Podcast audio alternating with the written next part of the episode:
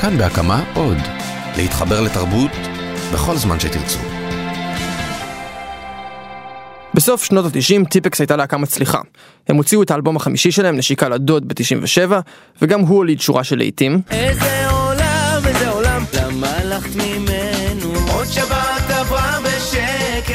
אבל דווקא אז הסולן קובי עוז החליט שהלהקה מפסיקה להופיע. היה משהו מאוד חלק בדרך שקיבלו אותנו כבר היינו אחרי ההצלחה הגדולה של החיים שלך בלאפה והשירים פשוט החליקו פנימה למצעדי הפזמונים והושמעו ברדיו בטירוף אני לא אוהב שהרדיו ישר מקבל את כל מה שאני עושה ואני שונא שמתרגלים אליי. בקיצור הייתי אה, מבואס לאללה ואיזה שנתיים כאילו לא הופענו. במקום זה אמרנו אנחנו מוכנים להיכנס להקליט באולפן. אממה בלי שירים אנחנו נכנסים הפעם. בלי שירים בלי כוונה בלי כלום. תנו לנו שלושה חודשים אולפני רולי כזה מתחת לאדמה ברחוב פינסקר האולפן פתוח. כולם מוזמנים לבוא מתי שהם רוצים בבוקר בלילה כל הזמן אה, המיקסר פתוח וזה מה שטיפקס עשו. הם ישבו באולפן מבוקר עד ערב, הזמינו אנשים, אבל איכשהו עדיין ההקלטות האלה לא תפסו כיוון. ובתוך כל ההמולה הזאת יושב באולפן גם טכנאי הקלטות, שעד אז לא כל כך משך תשומת לב. שהוא עשה לנו קפה באולי שלושה אלבומים, רק חיבר כבלים, שקט אה, ועגמומי, אה, מאיר עמר. אה, די גרתי באולפן.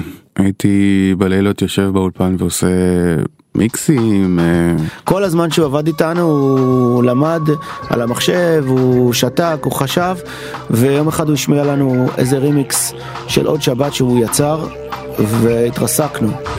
עוד שבת עברה.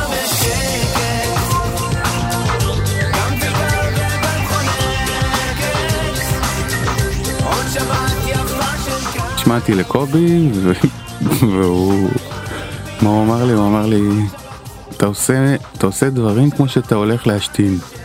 אמרתי אוקיי, מה אנחנו עושים? יאללה, נכנסים. יובל שלנו פינה את מקומו על, ה- על המיקסר ופתאום מתיישב ביג אם. ביג אם זה הכינוי החדש שקובי העניק למאיר, שכבר לא היה רק טכנאי הקלטות, אלא הפך לשותף יצירתי מלא, ובהמשך לחבר רשמי בלהקת טיפקס. פשוט התחלנו להשתעשע ברמה, אתה יודע, באים בבוקר ובאמת לא יודעים מה יצא באותו יום. חיברנו פטיפונים. והקטנה הזאת התחילה לזוז, סוף סוף היה לנו רכז לכל החוסר רעיונות הזה. בוא נתחרע, כאילו, אתה יודע, בוא ניקח את זה לקיצוניות, בוא זה, כן, זה לקחת את טיפקס ולחרע אותנו את הצורה, אל, זה, זה היה כזה. וככה נולד האלבום השישי של להקת טיפקס, דיסקו מנייק. עד שדיסקו מנייק מגיע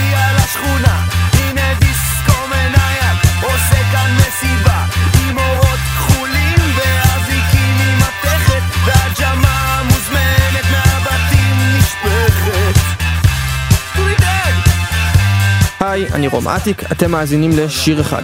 בכל פרק אנחנו לוקחים יצירה מוזיקלית ומפרקים אותה לגורמים. והיום אנחנו עם אחד השירים הבולטים באלבום דיסקו מנאייק של טיפקס מ-99, שיר בשם סמי וסומו. והדבר המוזר לגביו זה שהוא התחיל בתור שירה. זאת אומרת שירה כתובה. אני חטאתי בשירה, אני זוכר שהדבר הראשון שבא לי בראש זה סמי וסומו. הסתובבתי אולי שנה שנתיים עם אה, רשימה שכתוב עליה סמי וסומו ואין לה מילים. לא ידעתי איזה שיר זה יהיה, רק ידעתי שיהיה לי שיר שקוראים לו סמי וסומו. אז יש לי הרבה שירים כאלה שיש שם רק את הכותרת ועוד לא כתבתי ריקודי אמבה. אז סמי וסומו התחיל לפני בכלל כל המחשבה על השיר. ואז אתה מתחיל לאט לאט לדמיין מי אלה מה הם עושים איזה שכונה הם גרים איזה מכונית הם נוסעים מה הם עושים. ומתוך ה- הניצן הזה הקטן הזרע הקטן שקוראים לו סמי וסומו מתחילים לצמוח שני טיפוסים. כמו דמויות מסרט של טרנטינו. סוג של נוכלים אבל יש להם כבוד.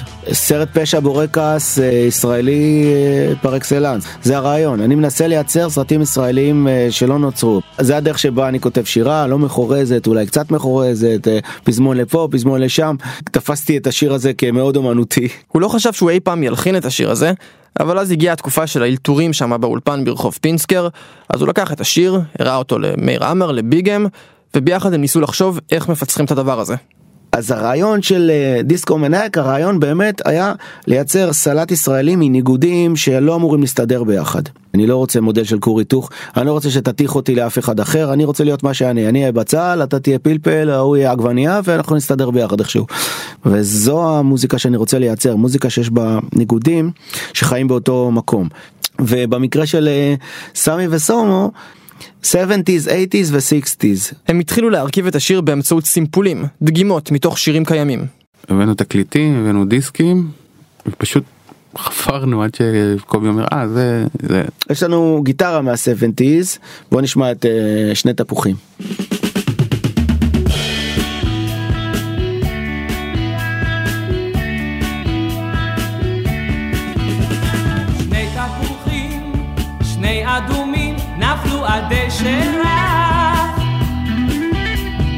אז אה, צביקה פיק, 1974 אם אני לא טועה, השיר הזה כבר מרמז על שני גיבורים, שני תפוחים, אבל אנחנו לא מתעניינים בשיר עצמו, אנחנו מתעניינים בגיטרה התמימה הזאת שנמצאת על ההתחלה שלו. גיטרת אה, 70's מאוד מאוד תמימה, מאוד חמה, מרימים טלפון כמובן, מבקשים אישור להשתמש בזה, ואז אנחנו אה, מייצרים מזה loop. מה זה אומר loop? זה שזה ינגן וינגן וינגן, ועל זה אנחנו נוכל להניח עוד שיר. אז השתי שניות הראשונות של הגיטרה חוזרות על עצמם כל הזמן בסמי וסומו. בוא נשמע איך נשמע לופ כזה.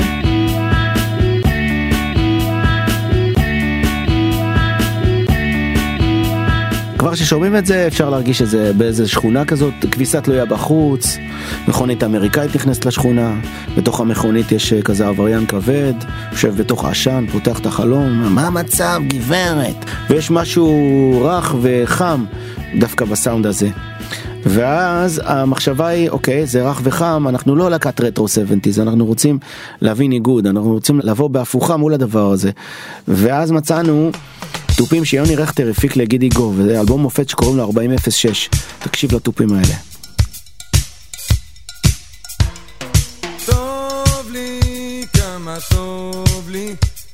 הכל יושב במקום, הכל מדויק, הלו לילל אני חושב על התופים פה. עכשיו אין מצב שסאונד תופים כזה יגור עם הגיטרה ששמענו מקודם, זה סאונד מאוד עשוי, מאוד מלוטש.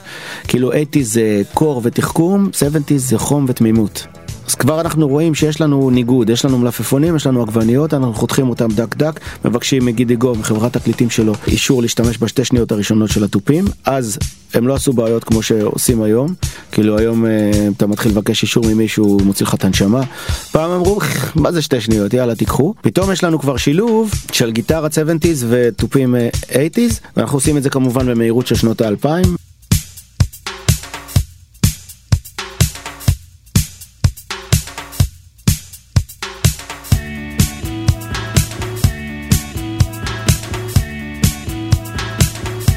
עוד דבר שאני יכול לספר זה שהשיר הזה מתחיל בהמון המון scratching. scratching לצעירים זה לקחת תקליט ויינל ישן ולייצר ממנו צלילים. במקום להשמיע את השירים פשוט לשחק עם המחט וזה יוצר צלילים מאוד משעשעים. במקרה הזה עשינו scratching על השיר שולה של להקת אטרף. היה שם בהתחלה אה, מין אמבולנס כזה.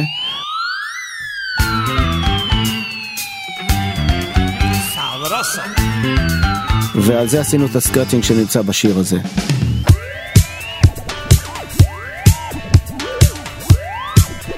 אז uh, כבר יש לנו איזה מצע של שיר. תזכור שדבר כזה זה לא מספיק בשביל לייצר שיר. אנחנו מתקרבים למילניום, שנת 99, שומעים דברים עם המון באסים, ואז אנחנו צריכים להחזיק איזה באס. רעיונות שבאים לנו זה תמיד מהחברים שלנו מעבר לים, מנו נגרה, במקרה הזה בס שעושה דונט דו דו דו דו דו דונט דו דו דו דו דו ויושב יותר נמוך מים המלח. מוסיפים על זה bass drum אלקטרוני חדש שמנגן על כל התופים האלה של גידי גוב שממשיך לדפוק כך שזה יתאים למכוניות של ימינו. הרי איך זה הולך? אה, אתה מריץ איזה loop, אתה עכשיו מתחיל לרקוד באולפן, אתה יכול לעשות את זה שעות. זאת אומרת, שותה רק עם זה, אתה יוצא החוצה, אתה מדבר עם אנשים, אתה חוזר פנימה, אתה רוקד עוד קצת, מישהו מגביר איזה bass drum, משהו קורה. ואז אתה מוציא את הטקסט של אה, סמי וסומו, ואתה מתחיל לראות אולי זה מתאים. והיה ברור שזה צריך להיות דיבור צפוף כזה, בוא נספר לך על החבר'ה שלנו בשכונה, בוא נדבר וזה, אז זה מביא דבר כזה. סמי וסומו, זוג עבריינים, על דוד שטרט נוסעים, עושים מכובסים, הם עושים... ואז פתאום אתה אומר, אני חייב פה איזה פזמון, איזה משהו שיחבר את זה, אתה לא יכול לנסוע את זה כל הזמן. ומצאנו פסטיבל הזמר, שיר של אה, הצנחן המזמר משה הלל, כפרה עליו. תשמע את חצוצרות.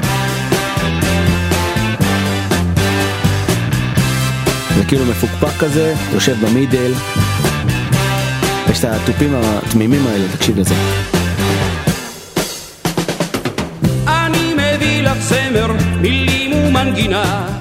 אם יש משהו שאני לא אוהב, זה את הדבר הזה שמלמדים אה, המון היום ב... בתוכניות אה, ריאליטי של מוזיקה, את הקטע הזה של אה, לנצח. כאילו, אז מתחיל הפזמון, ויש דרמה, ואז הגיטרה נכנסת, והמאווררים מתחילים לעבוד, והזמר, השיער שלו מתבדר, והוא שר לך את הפזמון, מביא לך אותו וזה, וכולם אומרים, וואו, איזה יופי. ודווקא לבחור בפזמון של סמי וסומו, לשים מין חצוצרות כאלה, מעפנות מה, מה, משנות ה-60, יש בזה בחירה כזאת שהיא אנטי גיבורית כזאת. אז החצוצרות באות, אה, התפקיד שלהם זה לנצח בלי לנצח.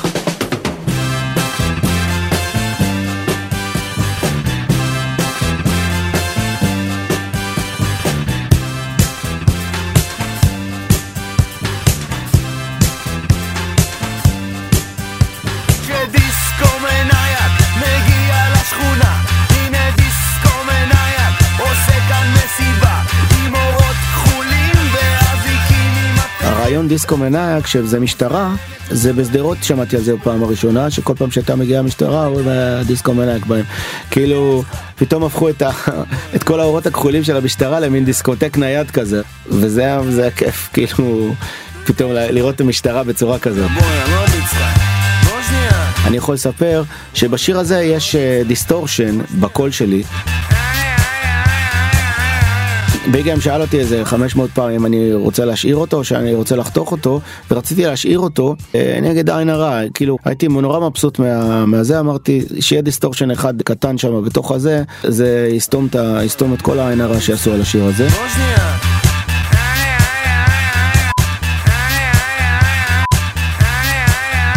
היינו באווירה של לגמרי שכונה ויאללה בוא נתקדם אני מה שיוצא בראשוניות זה הזהב. פשוט היה זה היה זה מה שהיה אמרתי זה יצא טוב אז למה לנגוע בזה זה העניין.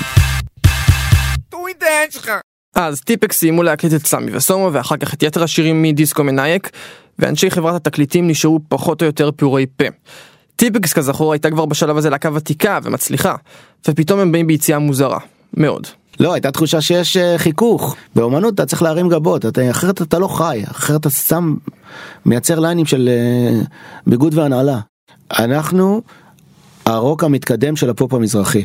אומרת, איך אני יכול לקחת משהו שעדיין יקוטלג כפופ מזרחי או כפופ ישראלי וגם אה, להצליח להיות אה, ממזר לאללה וחתרן לאללה וצריך להגיד המון דברים. אני חושב שכל צחוק שאתה משחרר ממישהו אתה משנה אותו. הרבה יותר מבן אדם שאומר וואו איזה שיר נעים. כי ברגע שהוא צחק או פתאום חייך העולם שלו משתנה. משהו בחיים שלו משתנים. אני חושב שנהיה פה תקופה של כבדים ורציניים לאללה. וואי. כל אחד מחזיק מעצמו אני לא יודע מה ו- ואם אתה לא יכול לצחוק איתי אז אני לא יכול לבחור, לבכות איתך. ונהיה המון אומנים שאפשר רק לבכות איתם והמון סופרים שאפשר רק להיות רציניים איתם. ו... לא יודע, לא לשם זה התכנסנו, אני חושב שבאנו גם אה, להשתפח וגם להשתבח.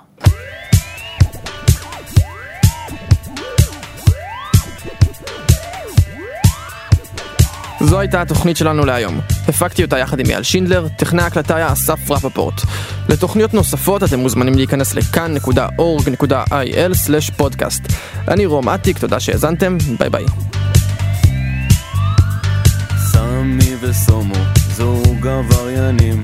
על דודג' דארט נוסעים ערסים מכובסים הם עושים סדר בעולם התחתון. כל מילה שלהם המשפט העליון.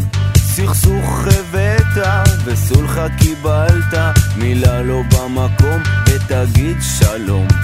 כי סמי וסומו בעסקי הבנייה. ויש להם קשרים עמוק באדמה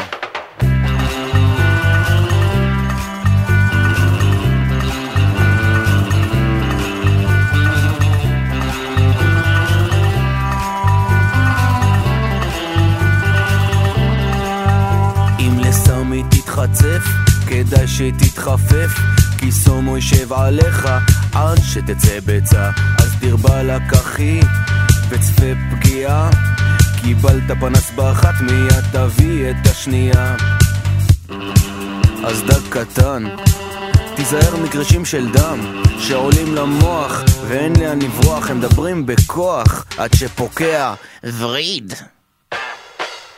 עד שדיסקו מניה מגיע לשכונה.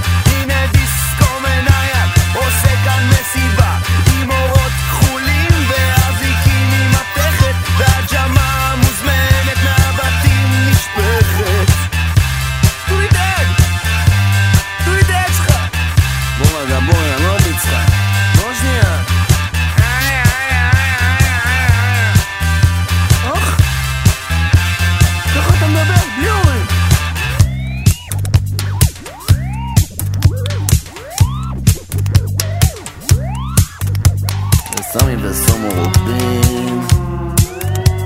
את הטנגו משטרה. הם כל כך משתוללים. מקיאים על הרצפה.